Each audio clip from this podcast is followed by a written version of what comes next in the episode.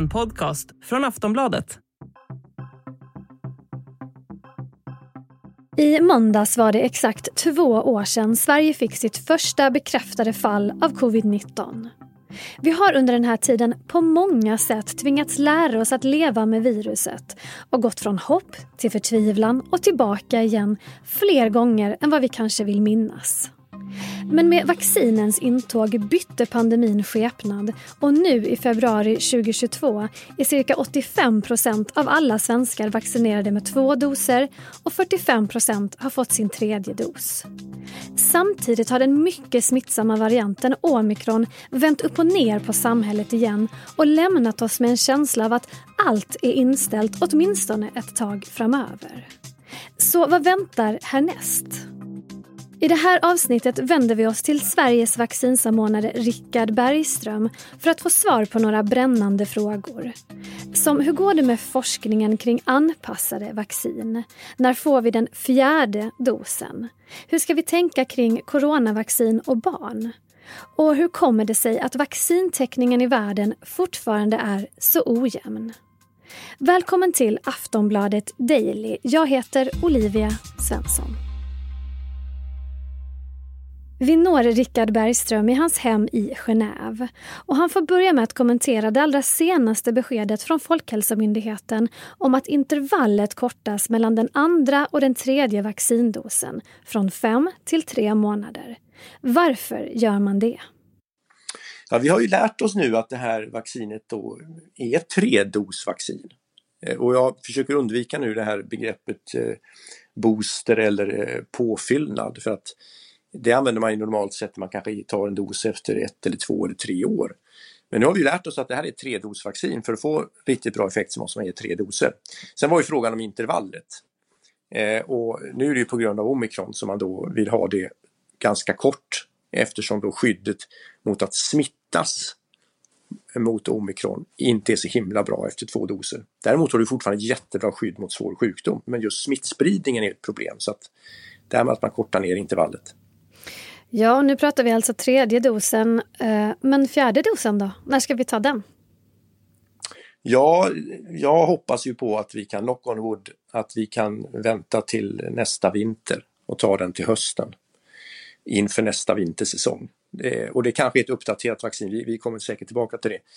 Eh, det är möjligt att man måste ge någon dos däremellan men jag kan tänka mig att de som är i riskgrupp till exempel kanske mycket kan mycket väl få en dos på vårkanten. Men jag hoppas ju att vi andra slipper det. Mm. Omikron ställde ju allt på ända genom att det var en väldigt smittsam variant som, som tog sig igenom vaccinbarriären. Hur anpassar vi nu vaccinen för att möta upp de nya varianterna som eventuellt kan komma? Hur går det med det arbetet? Så först vill jag bara säga igen att, att en tredje dos ger jättebra skydd mot omikron. Nu hann vi ju tyvärr inte vaccinera alla svenskar med en tredje dos innan omikron dök upp. Så nu är det jättemånga som har omikron, så det får vi leva med.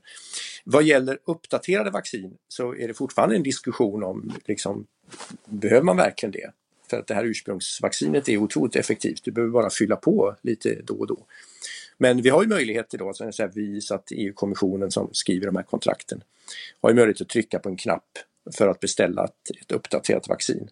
Eh, och det finns lite olika uppfattningar mellan experterna. Det finns de som menar att ja, men då tar vi en omikron-variant. Vi tar exakt omikrons liksom, blueprint-skissen eh, för, för, för att tillverka för protein. Då.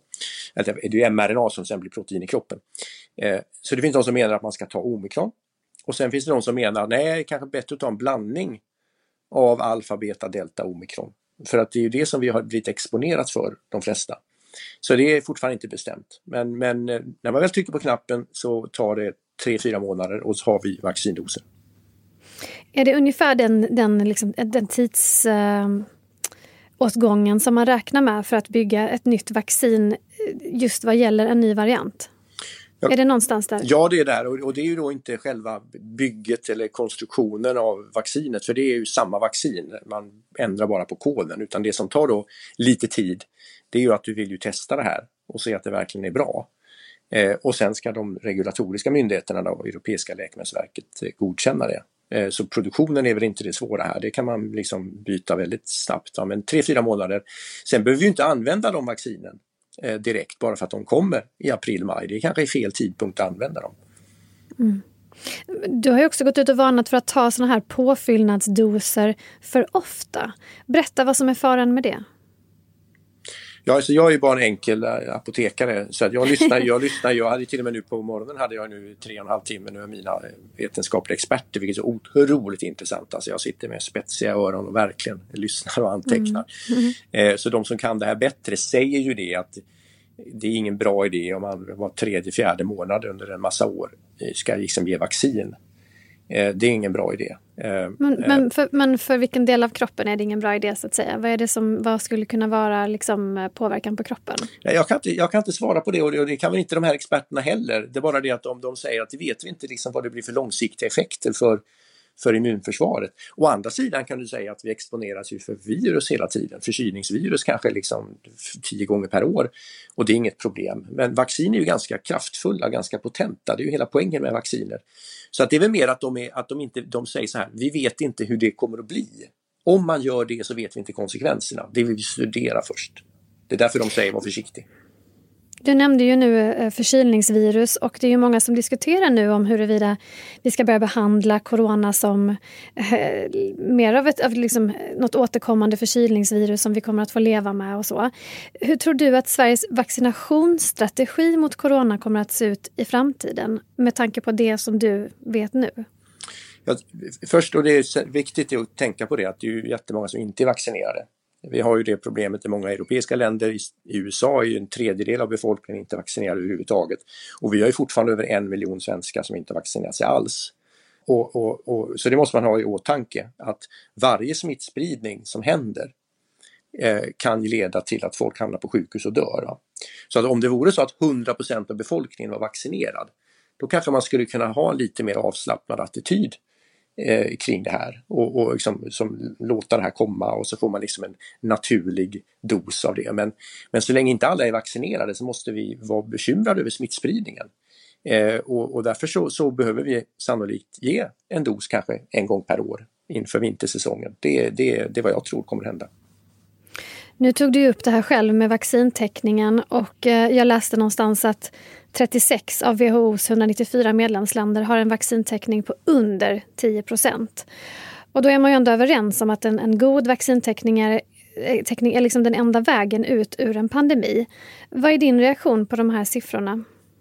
Ja, det är väldigt olyckligt. Sen är det väldigt stora skillnader. Jag, jag såg det här exemplet från Afrika där då två länder som ligger bredvid varandra, Rwanda och eh, Zaire eller Demokratiska republiken Kongo, där Rwanda har 50 vaccinationstäckning, eh, vilket är högre än vissa EU-länder.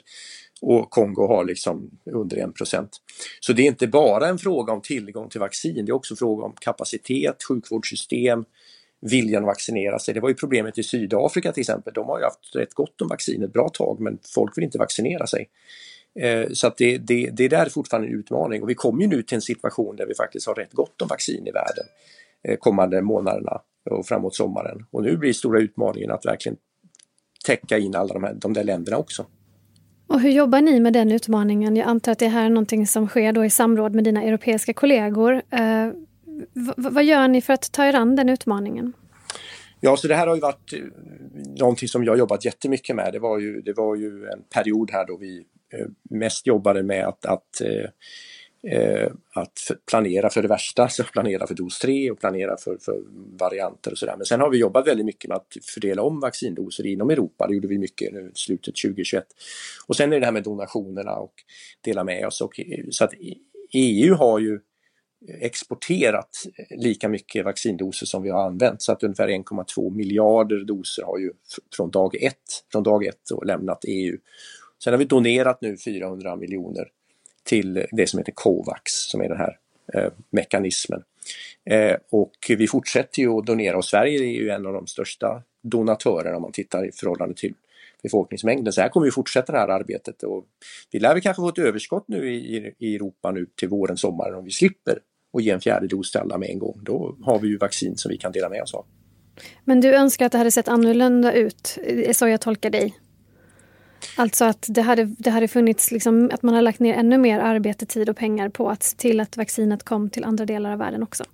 Ja, jag hade ju hoppats att det skulle se annorlunda ut men för att vara ärlig så vet jag inte vad vi skulle kunna gjort annorlunda.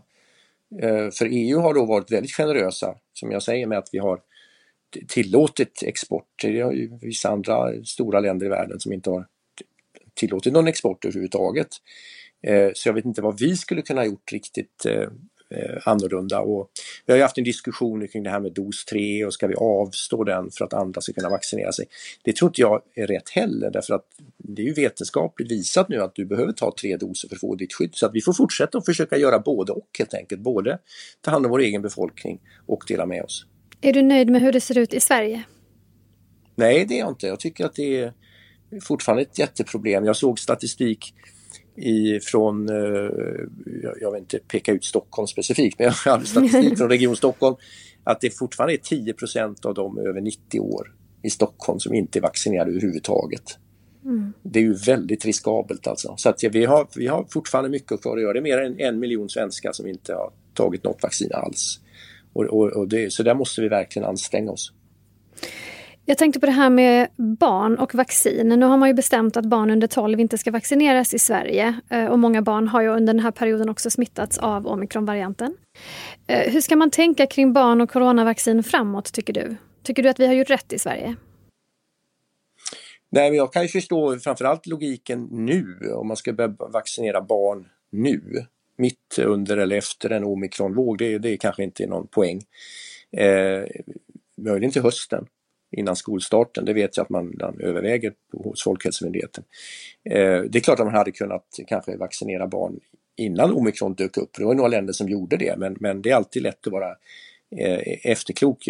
Något jag vill betona det är det att även om vi nu då inte rekommenderar, eller Folkhälsomyndigheten rekommenderar inte att vaccinera barn 5 till 11 år, så är det så att vi har ju vaccin att ta in. Mm. Så att om man ändrar sig så går ju det att fixa. Och, och, några länder har ju gjort det frivilligt. Nederländerna, eh, Norge och Finland har det ju frivilligt att eh, föräldrar då kan ju bestämma om man vill vaccinera sina barn. Och det, är, det kanske blir så framåt sommaren här, vem vet om man ska ut och resa och sådär och några länder kanske inför eh, krav på eh, covidbevis för att åka in i Grekland till exempel och kanske man vill vaccinera sig. Så jag vet att det här är något som man funderar väldigt mycket på på Folkhälsomyndigheten och på i regeringskansliet också. När du och jag, eh, innan jag satte på eh, inspelningsknappen här, så pratade vi lite grann om eh, hur många tänkte att pandemin var över i höstas. Eh, det var ju en så lugn period här, många var fullvaccinerade, vad vi visste då. Eh, men nu är det ju inte så, det ser inte ut så. Och du har kvar ditt jobb och har, som jag hörde, väldigt mycket fortfarande att göra. Vad känner du? Vad, vad tänker du om pandemin framåt? Vad är dina tankar? Alltså vi har ju underskattat det här viruset från dag ett. Eh, vi har också faktiskt underskattat då vår egen förmåga att ta fram vaccin. Det var ju också en fantastisk resa. Va? Men, men vi har ju underskattat det här viruset och det är många som har sagt att ja nu är det över. Och, och så var det delta som dök upp och så nu var det omikron. Va? Och, eh, jag fick frågan från min, min hustru här, jag kör mycket sådana här tv-intervjuer från bostaden. Jag har en sån här stor banderoll bakom mig, där EU-kommissionens eh, flagga och sådär. Och jag fick frågan då i oktober från min fru om kan, kan jag ta bort den där nu? den där banderollen. Och sa nej, tyvärr inte, sa jag. Och tyvärr fick jag ju rätt i det. Va? Så, men det har ju varit lite av mitt jobb. Va? Det var hela tiden se runt hörnet och planera för värsta. Men jag, jag tror ju faktiskt, allvarligt talat, att eh, det går över till någon form av årlig verksamhet va? med ett, en vaccindos kanske då varje höst till alla. Och, och, min förhoppning är att vi kan till och med få något sån här supercocktail med, med influensa och RS och, och, och alla förkylningar och allting. Va? På en gång? Alla, ja, på en gång. Och, att, och fram till den här teknologin nu med mRNA då, som är Pfizer Moderna, den är ju så fantastisk. Att vi har bara sett början på användning av den tekniken. Så att eh, det kanske blir så det, det, tror jag och det är inte helt orealistiskt att liksom, vi får en dos varje år. Och, och, alla kommer tycka att det är jättebra och inte, ingen ifrågasätter ens det. Liksom. Med 100 vaccinationstäckning. Vågar du, vara lite, vågar du vara lite optimistisk?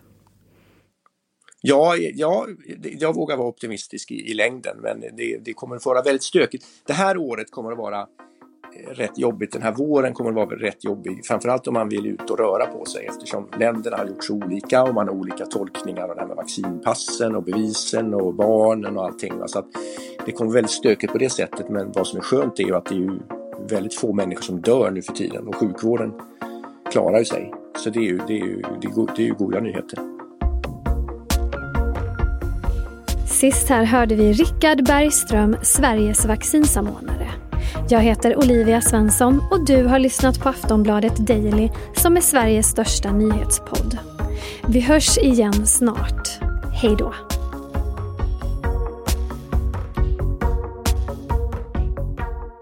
Du har lyssnat på en podcast från Aftonbladet. Ansvarig utgivare är Lena K Samuelsson.